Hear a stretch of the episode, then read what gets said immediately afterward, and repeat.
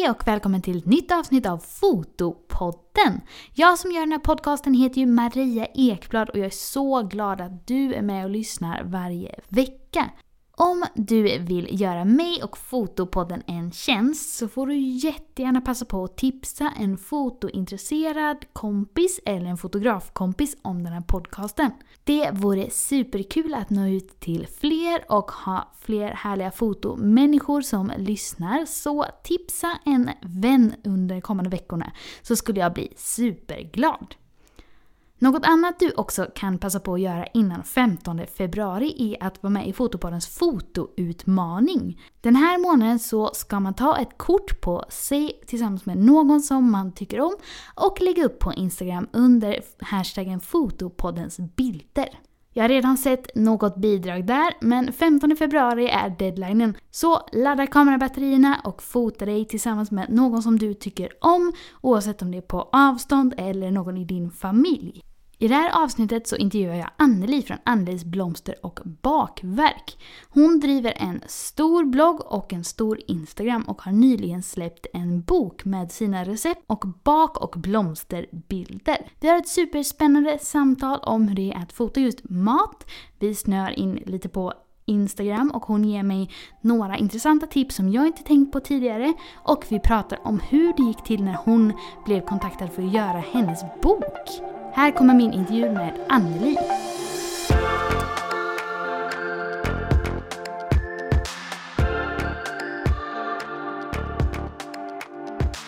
Välkommen Anneli till Fotopodden och vad roligt att ha med dig på tråden. Tack så mycket, jätteroligt att få vara med. Om man inte vet vem du är, hur skulle du beskriva dig själv och ditt fotande då?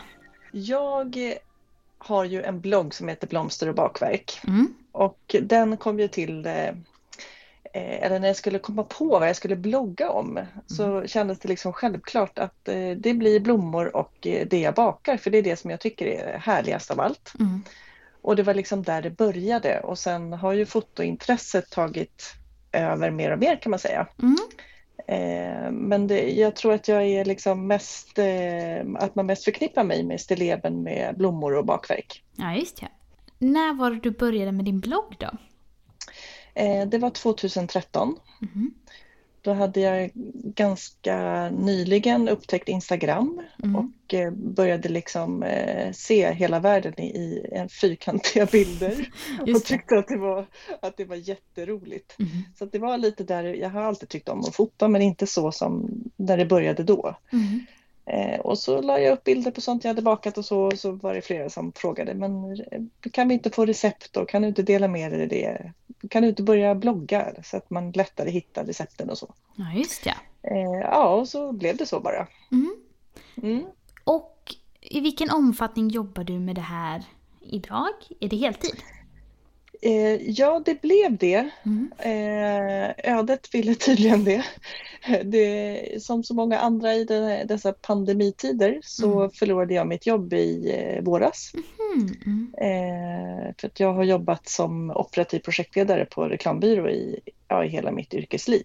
Okay. Eh, och så har jag ju liksom pysslat med det här vid sidan om. Mm. Eh, och jag har jobbat deltid i ganska många år. Mm. Eh, så på mina lediga fredagar då har jag fotat eller eh, bakat mm. och så och skapat innehåll. Eh, och ja men så blev jag av med jobbet och så höll jag precis i den vevan på att göra min första bakbok. Mm, ja. ja, så då blev det sådär, ja men jag kör väl på det här då. Mm. så får vi se hur det går. Just ja. Ja, så nu kör jag eget. Ja, vad mm. häftigt. Det känns ju som mm. det är mm. lite speciellt för alla liksom med det här att en pandemi kom och det kan ju ha påverkat oss på lite olika sätt och så. Men hur har det gått då sen du fick eh, börja på heltid då? Jo, men det har, eh, det har rullat på ganska bra. Mm. Eh, jag håller väl fortfarande på liksom lite och, och själv försöker formulera vad det är jag vill göra. Mm. Ehm, jag har, eh, ja, men jag, letat, jag har varit i kontakt med lite magasin och gör lite magasinsjobb med recept och bilder. Just ja. Och sen har jag ju haft jättemycket att göra med boken och hela ja. den liksom, lanseringen och så. Ja, spännande. Eh, ja, och sen ja, men jag säljer lite printar av mina motiv och, och lite kort och sådär. Så att, mm. Men eh, tankarna, på, ja, tankarna snurrar för fullt vad det är jag ska liksom eh, fokusera på framöver. Det mm. håller jag på att let, letar lite efter. Ja just ja, mm. ja men vad kul. Men eh, om vi eh, backar bandet lite. Nu har jag uppe din Instagram och tittar där samtidigt. Ja. Men för du sa att när du började blogga att det var blommor och bakverk som kändes som liksom det självklara valet. Mm. Har du haft mm. ett intresse i det länge eller hur har det sett ut? Ja, alltså, ja jag, baka har jag alltid gjort, mm. ända sedan jag var liten. Liksom. Jag brukar säga att jag fick nog med det i, i DNA. Liksom. Mm. Eh, både mamma och farmor och mormor och så har bakat alltid. Så det har jag alltid, det har varit avkoppling för mig. Mm. Eh, trädgårdsintresset det kom när jag var hemma sjukskriven för utmattning. Mm-hmm. Eh, 2009 någon gång där. Mm. Eh, och då upptäckte jag, vi har ju bott i hus länge mm. med trädgård men det har liksom inte, ja, det har, det har bara funnits där. Men då började jag gräva och plantera och ja, men hitta liksom ett intresse i det. Mm. Eh, vilket var fantastiskt eh, roligt. Mm. Ja men eh, verkligen en bra återhämtning tänker jag. Ja men det är ju verkligen, ja det är ju verkligen det. Få sätta händerna i någonting konkret liksom. Eh, sen, jag har alltid älskat blommor men eh, trädgårdsintresset blev liksom en annan grej. Mm. Så att eh, nästan all, eh, ja men när jag skapar mina stilleben så går jag gärna ut i trädgården och plockar blommor mm. och växter och blad och så. Eh, från det jag har hemma. Just det. Men mm. när du började blogga då så antar jag att du, man behöver en del bilder till sin blogg och sådär. Hur såg mm. dina bilder ut då och hur fotade du på den tiden? De såg helt annorlunda ut än vad de gör nu. det är ju ganska roligt att, backa ibland och se hur man själv har utvecklats. Mm. Eh, men jag hade, jag hade en systemkamera. Eh, jag fotade ganska mycket med mobilen. Mm. Eh, men sen ju mer jag höll på så kände jag ju liksom att nej, men nu behöver jag lite annan utrustning. Mm. Fix, ja, men köpte ett stativ och lite reflexskärmar och lite eh, bakgrunder och det har ju liksom bara ökat på. Mm, eh, så. Så att, eh, och ju mer jag har hållit på så desto roligare har det varit. Men jag ser ju också, alltså jag, jag har ju blivit mycket bättre på att komponera bilderna och liksom mm. hitta balansen och även eh, lärt mig kameran mm. eh, mycket bättre. Ja, plus, att, plus att jag tycker att redigeringen är ju också lika rolig ja. liksom, efter, efter arbetet. Ja, men där sätter man ju verkligen tonen på sätt och vis. Ja. Men när du fotar dina bilder, vad är det som du eh, tittar efter då? Jag försöker ofta berätta Eh, om man nu har ett bakverk till exempel så mm. vill jag gärna berätta en historia kring det och vad innehåller bakverket eller är det kanske bara en, att jag vill ha en känsla av jul kanske? Mm. Eller eh, innehåller ett bakverk en viss eh, huvudingrediens så tar jag gärna med den. Mm. Så jag försöker berätta någonting om det som är i bild eller bara sätta en stämning. Just ja. och, och plockar in eh, jag tycker att det är roligt att plocka in ganska mycket rekvisita. Mm. eh, så jag, jag, tycker det är roligt att liksom bygga upp bilden. Mm. Eh, ibland kan det vara enkelt och ibland så eh, blir det lite mer. Mm, Men det. Eh, ja, att det gärna får finnas en koppling, att allting finns där av en anledning. Mm. Det är inte så att jag bara slänger in irrelevanta liksom, saker utan det finns ju ofta en tanke bakom det, allt som är i bilden. Mm. Ja men det mm. låter ju genomtänkt ändå. Men vad är det för eh, rekvisita som man kan använda när man fotar mat? Ja, du har ju förstås att man vill ha några vackra fat. Mm. Eh, jag har ju köpt en liten uppsättning, ja men loppisar är ju perfekta. Mm. Eh, sen har jag ju en mamma och en farmor som alltid har samlat på fina saker. Så jag har ju i skåpen liksom som man kan plocka fram. Mm. Eh, jag har hittat lite vackra gamla bestick. Så att man bara lägger en mm. fin kniv eller gaffel, olika linneservetter. Eh, det behöver inte vara så himla mycket egentligen. Nej. Ett bröd kan ju ligga på liksom en skärbräda. Ja, just det. Och sen tycker jag att det är fint och liksom, man kanske har med lite små skålar med flingsalt eller smör eller Mm. ja. Det beror Ja. helt på vad det är. Mm. Ja, jag har hört andra som fotar liknande som det känns ju om man gillar typ att gå på loppisar och om man gillar den Mm. grejen att man verkligen kan bygga upp en arsenal med mycket rekvisita om man är Mm, lagd åt mm. det hållet. Ja, jo. Men, jo, jag vet också att det finns jättemånga som har som typ hyr ett förråd för att få plats med all. Men, det, nej, men jag tycker inte så mycket behöver man nog inte. Mm. Eh, utan man kan liksom variera bilderna med andra attribut. Ja, just det. Så. Mm. Men när man fotar sånt som man äter, behöver man tänka på något speciellt för att det liksom ska se bra ut på bild? Har du några speciella tricks eller sånt? Jag håller ju inte på liksom och sprayar maten eller alltså gör sådana här du vet, konstgjorda saker utan eh, den, den, den maten som är på bilden kan man också äta. Mm. Eh, och, och jag fotar bara i naturligt dagsljus. Mm. Eh, och så länge liksom ljuset är fint och det inte är, eh, alltså starkt solljus går ju inte för då ser det ju inte alls gott Mm. ut. Eh, nej men sen, och sen tror jag bara att det handlar om att försöka styra ljuset så, så att det faller så fint som möjligt så att det ser smakfullt ut. Ja, just det. Eh, och även liksom lyfta fram huvud, eh, liksom personen i bilden Mm. med, på ett fint sätt. Så att, med färger och så, så att det inte skär sig liksom med, med det andra. Mm. Mm.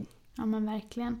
Jag tänker också när du fotar bakverk mycket, det kanske också är liksom lite mer eh, bildvänligt än kanske andra maträtter, typ en gryta eller det kanske är, det finns Ja. variabler också. Ja men precis. Mm. Ibland kan ju faktiskt, det tänkte jag på när jag fotade boken, jag, det, det är väldigt mycket bröd i boken. Mm. Och bröd är ju liksom brunt. Är inte så, här, så, man får liksom, så jag försökte verkligen hitta en variation i alla brödbilder för att det inte skulle bli liksom sådär samma samma Mm. känsla. Ja just. Eh, så att man får, ja, man får försöka variera sig lite. Och, eh, ja, och i boken var det ju tacksamt för den har jag ju byggt upp kring årstider. Mm. Eh, så att där ska man ju liksom, på hösten ska man ju ha en känsla av höst. Mm. Och på våren kan man ju lyfta in lite vår, härliga vårblommor och, och det. annat liksom, för att sätta stämningen i bilden. Jag tror inte Så- vi har eh, pratat om vad boken handlar om än. Det Nej men det, ja, det är en, ba, en bakbok Mm. eh, som heter Blomster och bakverk. Just det. Eh, och eh, ungefär hälften av recepten är bröd. Mm. Eh, resten är bakverk och lite annat så här, godsaker. Och sen tycker jag ju att det är jätteroligt att baka med olika mjöler. Så att Jaha, eh, mm. hälften av recepten är också glutenfria. Jaha, eller bakade, bakade med naturligt glutenfria mjöler. Mm. Eh, så att, ja men det är en bakbok. Ja, vad roligt. Mm. Jag gjorde en fotoutmaning i somras på min YouTube-kanal där jag utmanade mig själv och fotade olika eh, genrer som jag inte fotar annars. Och då testade jag bland annat att fota lite så kakor Mm. som jag hade eh, bakat för jag ville testa matfoto. Och det Mm. jag tänkte på då var att det måste ju gå åt ganska mycket tid om man då ska laga det själv och så. För jag tänkte på det att om man då liksom råkar bränna någonting eller något blir mindre snyggt Mm. så går det ju åt ganska mycket tid åt att rätta till det. Hur, blir, Mm. hur är den processen för dig? Jo, det är klart att det tar tid. Mm. Eh, och jag gör ju också, jag står ju och experimenterar och tar fram recept och, Mm. och det ska ju liksom, man måste ju vara hela tiden anteckna allting och så blir det kanske inte precis som man har tänkt sig så får man baka igen. Mm. Eh, det, det. verkligen liksom, det måste ju funka för alla Ja. som ska baka det här receptet. Och sen. bli gott också. Ja, det också och bli rätt konsistens och liksom allting. Mm. Eh, men den processen är ju väldigt rolig tycker jag. Mm. Sen är det klart att om någonting blir bränt, det blir ju inte så fint på bild. Nej. Nej, då får man ju liksom baka om då i så fall. Men jag är ju också sån, jag, jag passar ju alltid på slutet Mm. eh, så att man försöker undvika det. Eh, men, eh, nej, men man får ju bara försöka göra det så snyggt det går. Mm. Och sen har jag med åren blivit lite sådär att, alltså jag har alltid varit perfektionist. Mm. Eh, men jag har liksom lagt undan det där lite. Det gör inget om en eh, päronskiva ligger lite snett. Nej, det, får liksom, det får liksom vara så. Mm. Det är inte det viktigaste. Nej. Eh, är det och, sant? Ja, och man kan liksom, jag tror att man, ehm, det ser gott ut ändå liksom. Ja. Det behöver inte vara, och jag tror att om det är så här iberperfekt så kanske man skrämmer bort några. Att det ja. ser liksom för eh, ja, men så kan det nog kanske vara. svårt ut. Ja. ja. Så det gäller, jag, jag försöker hitta en, en nivå där. Jag tänker att man kanske också balansar, balanserar upp det genom att man blir duktigare också. Mm. Alltså man kanske ja. håller koll på bröd som du säger. Man kanske inte förstör lika många saker och vet lite mer vart gränserna går med själva ja. bakningen också. Ja, ja men så är det ju. Mm. Absolut. Ju mer, som med allting, ju mer man övar desto, desto bättre går det liksom. Ja, ja men verkligen. Ja. Vad är det för eh, utrustning som du brukar använda då? Eh, ja, men jag har ju en, eh, en systemkamera. Mm. och så har jag ett antal objektiv till den. Mm. Jag älskar mitt fasta 50 mm. Det är ju fantastiskt. Mm. Eh, och så har jag ett, ett makroobjektiv som jag gärna använder. Mm. Eh, och sen så har jag, fick jag lov att investera i eh, när jag tog eh, omslagsbilden till boken, mm. det, det, är nog mitt mest avancerade stilleben eh, någonsin. Mm, Då behövde jag liksom komma upp. Ja, precis. Eh, så att eh, och nu kommer jag inte ihåg i huvudet vad det objektivet... Eh... Men är det ett lite vidare objektiv? Eller? Ja, ja men precis. Ja, just det. Exakt. Så att jag, ja, vi har ju ett uterum i trädgården mm. där det blir ett fantastiskt fint ljus mm. och ljusinsläpp. Så där, eh, där stod jag, jag filmade faktiskt lite bakom eh, kulisserna när jag gjorde det där omslaget till boken. Ja, just det. det, det, det är upppallrat ända upp i taket. Ja, roligt. Så man, man får hitta sina lösningar. Ja, men absolut. Mm. Ja, men det är ju toppen om man inte liksom... Alltså om man inte har ett supervitt objektiv då kan man ju ändå lägga någonting mm. lite lägre också. Ja, ja men precis. Mm. Nej, och jag har ju liksom ingen, jag har ingen fotostudio eller några, jag har ju ingen, liksom ingen avancerad utrustning mm. alls. Mm. Eh, så, men eh, det går ändå. Ja men verkligen, men jag gillar den Mm. grejen att alltså i vissa förhållanden kanske man behöver det men på andra sätt kan man ju komma otroligt långt med liksom det man har också. Så Ja, det är liksom ja. upp till en viss nivå.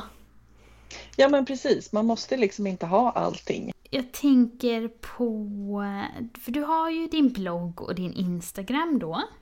Mm. Och eh, hur, när du sa att du hade en dag i veckan när du jobbade eh, Mm. till detta. Hur Mm. var det då att skapa innehåll till det på en dag? Eh, ja men då kunde jag ju liksom, eh, men då kunde jag ju stå och baka på eh, förmiddagen. Mm. Och hann jag så tog jag ju lite bilder på eftermiddagen. Mm. Eller så hade jag förberett kanske på torsdagen eh, och bakat någonting. Mm. Så att, eh, så att jag hade liksom ändå tid Ja, att, eh, att fixa där på fredagen Mm. eller, eller på helgen. Mm. Det är, och sommartid kan man ju faktiskt vara ute lite ännu längre på, då finns ju faktiskt ljuset kvar lite längre på eftermiddagen och kvällen. Ja men absolut. Eh, Så, att, nej men så jag är ju sån där som, jag klämmer in när möjligheterna kommer, då klämmer jag in det liksom. Och, eh, och jag är lite sådär att jag kan ha en bild i huvudet av hur jag vill att bilden ska bli. Mm. Eh, Det är väldigt sällan jag skissar upp bilderna utan jag, jag börjar liksom plocka tills jag är nöjd. Mm. Eh, Så att, och jag tror att det också är en, en process som jag mår bra. Alltså det är en sån där må bra-grej liksom. Mm. Det är kul att bygga upp de där bilderna. Ja men vad roligt. Eh, Så att de kommer i, i stunden ofta. Mm. Mm. Men blir det li- men var det någon gång som du fick liksom passa på, eller batchade du något content? Alltså att du, man gjorde mycket olika bakverk på den dagen då? Eller blev det att man hann med en, eller hur kunde det se ut? Eh, olika, men Mm. absolut, så kunde det vara. Jag kunde ju stå, ibland kan jag ju stå och baka flera grejer på en dag. Mm. Och sen kan jag ju pytsa ut, pytsa ut själva fotograferingsbiten liksom på, på flera dagar. Ja, just det. Så var det ju lite med, det var ju väldigt intensivt med bokproduktionen. Mm. Eh, och det går, gick ju inte heller att äta upp allting. Nej, nej. Kompisar som kom här och hjälpte oss att äta upp allt. Eh, nej men då, då får man ju liksom planera Mm. helt enkelt med jästider och eller om det ska göras tårtor i olika moment och sådär. Så att eh, det, det får man ju ha med sig Ja, såklart. Och vissa saker, ett bröd kan ju till exempel stå en dag och ser ju inte tråkigt ut det. Nej. på bild. Medan andra bakverk vill man kanske verkligen fånga liksom, Mm. ja, men när de är riktigt så färska. Ja, liksom. Mm. Men din bok, hur blev det att du gjorde en bok? Ja, eh, jag blev kontaktad av tre olika bokförlag. Mhm, vad spännande. Ja, eh, nu måste jag tänka. Det var ju alltså sommaren eh, 2019. Mm. Så fick jag eh, ett DM på Instagram eh, från ett- en förläggare som skrev Hej, eh, du har inte funderat på att göra en bok? Mhm, mm. och sen gick det någon månad och så kom det ett till sånt Hej. Mhm, Eh, så att jag träffade tre olika förlag mm. Och, och fick liksom presentera hur jag skulle vilja göra min bok. Mm. Och så valde jag det förlag som kändes eh, riktigt bra i magen, Mm. eh, Blad by Blad. Mm. Eh, och eh, ja, men min förläggare Annika hon har verkligen låtit mig liksom ja, gett mig fria händer kan man säga. Mm. Och så ändå liksom styrt eh, det hela rätt och eh, men jag är jätteglad för, för det. Ja, Det var ju men inte vad så att jag roligt. hade, jag hade ju inte skickat in något synopsis till något förlag eller liksom tänkt att jag skulle göra en bok. Nej. Visst är det, visst är det en dröm men liksom det ges ju ut väldigt mycket kokböcker i Sverige. Ja, ja, men verkligen. Men Det- vad smickrande också, för då hade de följt dig ett tag, antar jag. då. Ja, Mm. ja, ja, ja. Eh, Annikas dotter var det faktiskt som tipsade henne Mhm. om mig. och så var hon väl bara, tittade hon väl bara i mitt flöde och så skickade hon det där DMet. Ja, just det. så det var, ja det är väldigt smickrande. Ja, verkligen. men gud vad roligt. Men är boken släppt nu? Ja, Ah. den släpptes i september. Okej, vad kul. Eh, ja, vi har tryckt eh, upp en andra upplaga. Eh, jag får skicka, jag har fått, eh, där veckorna innan jul så hade jag redan tomteverkstan här hemma och fick skicka en massa signerade exemplar Mm. landet runt. Så att, nej, det har gått, den har blivit väldigt väl mottagen Mm. och den har fått två fina utmärkelser redan. gud, så att, det känns otroligt roligt. Ja, men verkligen. Verkligen. Wow. Men, I, I denna liksom eh, pandemi eh, tristess Mm. så Ja, vart det en jättehärlig skjuts. Mm. ja, precis. Och Mm. det är väl många som har passat på att baka extra och så nu i pandemin. Jag hörde att gästen var Mm. slutsåld på många Ja, ställen. ja, både, ja, både gästen och mjölet och sockret. Det var ju lite tomt ett tag på Ja. hyllorna faktiskt. Ja, så men att, då eh, passar ja, det är lite perfekt. roligt. Ja. Men om vi pratar, går in på lite business. För du har ju Mm. nämnt bloggen och Instagram och printar och boken. Men vad, vad är det främst i detta som du eh, tjänar pengar på? ja, nu är jag ju fortfarande ganska ny. Mm. Även om jag har haft min firma länge så är Mm. jag ju fortfarande liksom ny. Det känns som jag är en ny företagare. eh, eh, men jag ska ju göra en, en bok till. Mm. Det arbetet har jag påbörjat. Mm. Eh, Så det är ju en bi- bit. Men sen tycker jag att det är väldigt roligt när olika varumärken hör av sig till mig och ger mig uppdrag. Och Mm. det kan vara att ta fram ett recept med en, en viss ingrediens Mm. med bilder. Eh, Eller eh, att de har en produkt som ska lanseras och så får jag ta eh, ett antal olika bilder. Just ja. Eh, och sen också då som jag nämnde magasinsjobb eh, gör jag gärna Mm. mer. Det känns jättespännande. Ja, absolut. Eh, så att jag har ju liksom, jag känner ju att, själv att jag spretar lite. Men det är ju också, jag gör nog gärna lite olika saker. Men jag tänker det jag kan vara det. positivt att man har många ben i ett företag. I alla fall om ja. man liksom kanske riktar sig mot andra företag eller liksom förlag mm. eller magasin och så. Mm. Mm. Jo men precis, jo men det känns som att vissa delar i eh, ja, men som printar och så, det, det, kan liksom, det ligger och rullar lite i bakgrunden. Mm. Eh, och sen så får man ta, ta det lite som det kommer. Ja absolut. Mm. Men gör, blir det att du gör några samarbeten på Instagram eller på bloggen eller så med företag? Eller blir det att du fotar åt liksom deras eh, sociala medier eller eh, omslag eller vad de nu använder bilderna till? Ja, det har varit en blandning. Mm. Eh, och det tycker jag är roligt. Mm. Eh, samarbeten är ju, är ju ett sätt förstås, men eh, där försöker jag också hitta liksom en, en rimlig eller en bra nivå. Ja. Så att det inte blir, jag vill inte att det ska bli för mycket samarbeten och de samarbeten jag gör i mina kanaler det ska liksom kännas bra i, i magen och det ska vara relevant för mina följare. Det är väl eh. väldigt eh. bra tänker jag så man inte liksom bara kör på med reklam i sina kanaler. Nej, nej men precis. Mm. Eh, men det är klart att man, eh, det är som du säger, man ska ha en ju, man har ju en business också och behöver en inkomst. Ja, men absolut. Så man får väl se lite eh, vart det där landar. Mm. Men eh, ja, så det... Men hur eh, lång tid tog det för dig med bloggen och Instagram innan det började hända sådana saker då i ditt företag? Men jag hade liksom tur att bli lite, eller tur eller skicklighet, men eh, jag blev uppmärksammad ganska tidigt. Mm. Eh, och fick vara med i olika sammanhang. Det var andra bloggare som lyfte fram mig eller eh, jag fick vara med i olika tidningar där de skrev mm. eh, om mig och bloggen. Jag var med och gästbloggade på tidningen Baka i dess dåvarande mm. form och lite mm. sådär. Lite allt möjligt. Mm, roligt. Blivit nominerad till lite olika priser. Och, så att men bloggen är ju Alltså det tar väldigt mycket tid att blogga mm. och skriva texter och recept och sådär.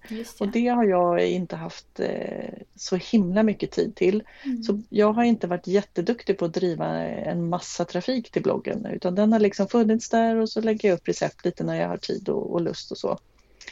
Eh, men Instagram har jag ju jobbat ganska hårt med för att mm. få det att växa. För det är klart att har jag min målgrupp där då kommer ju de per automatik in på bloggen när jag delar något recept som Just de vill eh, ja, och du ta del av. Och så. stor Instagram ändå, 25 000 i dagsläget. Så det är ju ja. många människor. Ja men precis, det är ju jätteroligt, mm. verkligen. Och det har ju vuxit, ja, på, på ganska kort tid har det blivit så många. så det känns jättespännande och eh, jag har fantastiska följare som är så himla liksom engagerade och, och vänliga och tacksamma. Så det känns jätteroligt.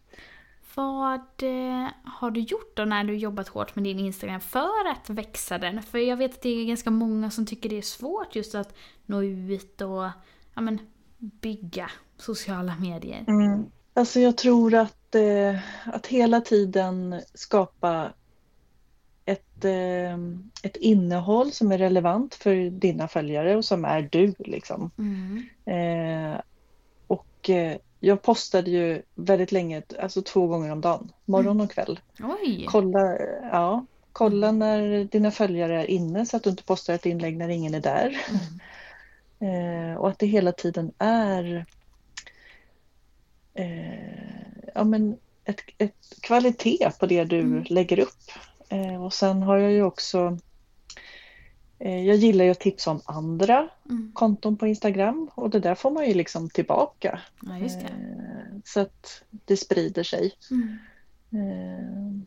Men vad intressant med två gånger om dagen. Då hade jag nog, jag personligen hade blivit lite så här, oj, tänk om de tycker att jag spammar nu eller om jag mest ja. följer privatpersoner så kanske inte mm. de har någon annan som lägger upp så jag vågar typ inte lägga upp mer än en gång om dagen.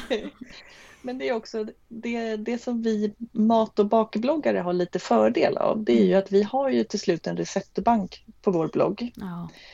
Eh, och nu har jag ju fått ganska många nya följare som inte alls har sett det som jag har liksom producerat Så jag kan ju plocka upp gamla recept och liksom publicera, tipsa om igen. Just ja. Eh, och algoritmen gör ju också den där algoritmen som alla, ingen tycker om. Den gör ju också att alla ser ju inte alltid alla mina inlägg. Nej, just ja. Så att det, det, spelar liksom ingen roll och är det så att ja men nu har jag det där rågsiktsbrödet, det har jag ju redan sett hos dig, ja men då får det vara så. Mm. Eh, men det är jättemånga som inte har sett det och som blir glada för ett nytt brödrecept. Ja, just det. Så att jag kan ju hela tiden, jag måste inte hela tiden lägga upp ett nytt recept utan jag kan ju liksom använda det jag har. Mm. Eh, och, och liksom blanda upp nytt med mm. sånt som finns i arkivet. Det är intressant ändå, för jag, jag brukar göra så ganska mycket att jag kan spara några typ favoritbilder från en fotografering med, jag fotar ju bebisar då. Och så ja. kan jag lägga upp det kanske något halvår, något år senare och så blir liksom föräldrarna ja, men glada mm. över sin bebis mm. och tycker, kommenterar och så. Så mm. det är ju lite samma grej ja. på sätt och vis. Men det var intressant tycker jag att man ska tänka på att alla faktiskt inte ser ens grejer och att man också får nya följare som kanske vill se ens nya grejer, eller ens grejer ja. man har gjort, för de är ju fortfarande bra. Ja men precis, det är ju inte förbrukat. Mm. Det finns ju en hel, det finns ju jättemycket i, i allas arkiv liksom. Mm. Eh, som man kan visa eller man kan berätta. Man kan ju liksom hitta en ny vinkling på gamla bilder och skriva en bildtext. Man kanske delar med sig av någonting. Mm. Det känner jag också, eller det tänker jag också att, att dela med sig av kunskap är också någonting som ofta uppskattas. Mm. Men nu tappade jag bort vad jag skulle säga. Mm. Men jag tänkte ja. på att du sa att det är viktigt att innehållet är relevant för följare men att du också är du. Hur tänker mm. du kring det och vara dig själv och visa dig liksom?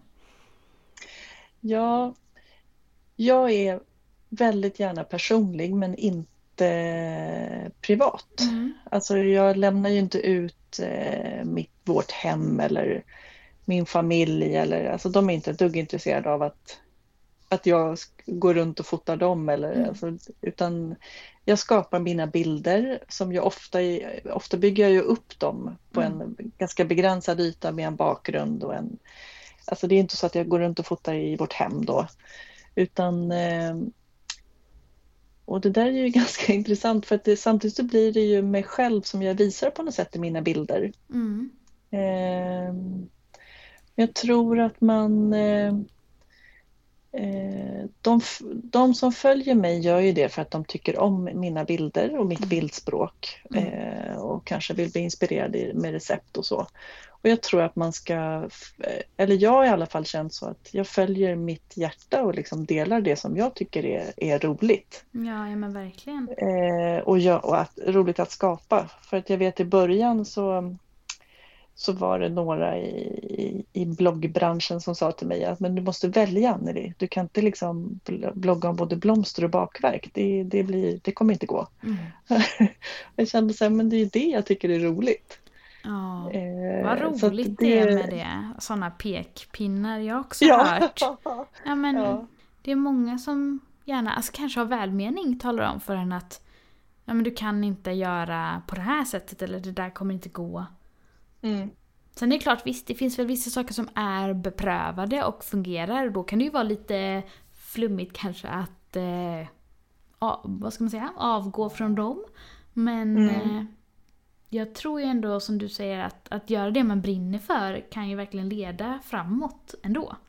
Ja men verkligen, jag tror verkligen att det är det som man är, är att, att hitta sin passion. Mm. Det märks ju liksom i det du eh, levererar och det du lägger upp. Mm. Ja, och sen är det klart Sen är det klart att jag har ju också blivit mera petig med det jag lägger upp med mm. åren. Liksom. Mm. Nu kanske jag inte gör en hastig mobilbild vid frukostbordet liksom, utan nu vill jag verkligen eh, ja, men göra det ordentligt. Mm. Ja, plus, att jag, plus att det har ju blivit sådär ibland. Ja, men du, den där bilden du la upp, eh, den vill jag, den vill jag kan, kan jag få köpa den? Kan du printa den? Mm. Och så har jag kanske gjort en mobilbild som inte alls håller för att printa. Mm. Eh, så att, eh, det har jag också med mig lite i bakhuvudet, att det måste vara kvalitet i, ja. så att det håller liksom, hela vägen. Mm. Ja, det är ju snopet mm. annars såklart. Ja, så det har jag fått säga nej några gånger för att det inte håller liksom för att dra upp. Ja. Ja. Jag har ju en Facebookgrupp för Fotopodden som också heter Fotopodden, gruppen då. Och eh, om ni som lyssnar inte är med där så får ni jättegärna gå med för där snackar vi foto varje dag. Men där la jag ju ut att vi skulle podda och så har jag fått lite lyssnarfrågor på meddelanden till mig. Mm. Och då är det en tjej som vill vara anonym som skriver att hennes dröm är att börja fota just mat för tidningar och eh, ja, andra företag. Men hon vet inte riktigt hur hon ska komma igång och nå ut med detta och undrar om du har några tips?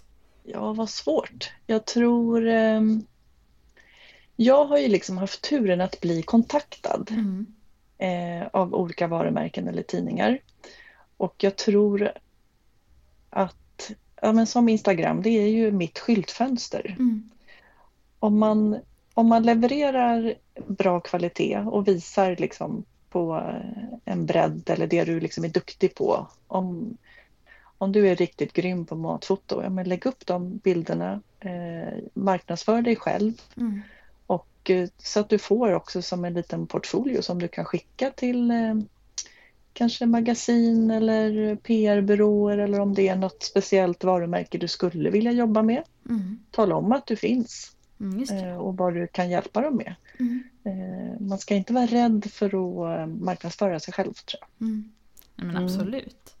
Sen mm. så hade jag fått en annan fråga från en person som skrev att eh, personen försöker fota mat och bröd och sådana saker. Men mm. blir sällan nöjd med bilderna och vet inte riktigt vad som är felet. Om du kan hjälpa till också där med några tips på hur de kan förbättra detta. Ja, Eh, nu vet jag inte riktigt vad de inte blir nöjda med. Mm. Men eh, nej, det eh, man, kan, nej, man kan fundera på vinkel. Hur man, alltså om man fotar rakt uppifrån eller om du fotar liksom lite så 45 grader så, här, så att man nästan... Jag brukar tänka att när jag tittar på bilden då är det som att jag ska sitta vid matbordet. Just det. Att jag liksom ska se det som eh, jag fotar i en aptitlig nivå. Eh, vissa saker vill man kanske se rakt framifrån som en, ja, som en typ en hamburgare som är uppbyggd liksom på höjden. Det vill man ju se rakt framifrån. Men många maträtter blir ju godare när man, det är som att man tycker att man nästan kan sätta en gaffel i tallriken liksom, genom bilden. Just det. Eh, så tänk vinkel. Och jag upplever, eller jag upp, lärde mig ganska snabbt att när man komponerar bilden, mm. ställ alla, all rekvisita mycket närmre varandra än, äh, än vad man tror. Mm. Försök att liksom laborera och hitta, hitta den känslan. Mm. För att men det är lätt att tro att man ska liksom Ja, men om, du, om du går fram till ett dukat bord mm. som du har dukat hemma till en middag och så vill du fota rätten ni ska äta det, det, kommer inte alls se bra ut i kameran. Det kan man testa någon gång. Mm. Utan du behöver verkligen flytta ihop grejerna, göra det tajtare, eh, dra liksom till allting. Mm. Eh, så det kan väl vara ett, en tanke. Just ja. Men vad är det som mm. gör att det ser eh, för brett ut eller för isär? Jag, jag, vet inte, men när man tittar sen genom kameralinsen så blir det liksom en, en helt annan eh, känsla. Mm, mm. Så det, ja, man, och det kanske är, har med vinkeln också att göra. Mm. Men eh, testa, tänker jag, att eh, laborera lite med hur ni placerar ut eh, rekvisitan. Mm. Och, och sen är det klart att om det ska se gott ut, ja det är färger och liksom ljus och allting spelar ju förstås roll. Mm. Och man kan också tänka på jag brukar tänka att jag ska ha eh, olika material i bilden. Mm. Om jag har till exempel eh, alltså en träskärbräda, en linneservett, kanske en, eh, en kniv som man får in lite metall. Alltså att man för in lite både värme och liksom, ja, såklart att det ska vara relevant rekvisita till men att man då med det försöker liksom lyfta mm. kanske det där tråkiga bruna brödet. Eh, eller skär upp, en, skär upp några skivor av brödet och lägg ut det lite snyggt.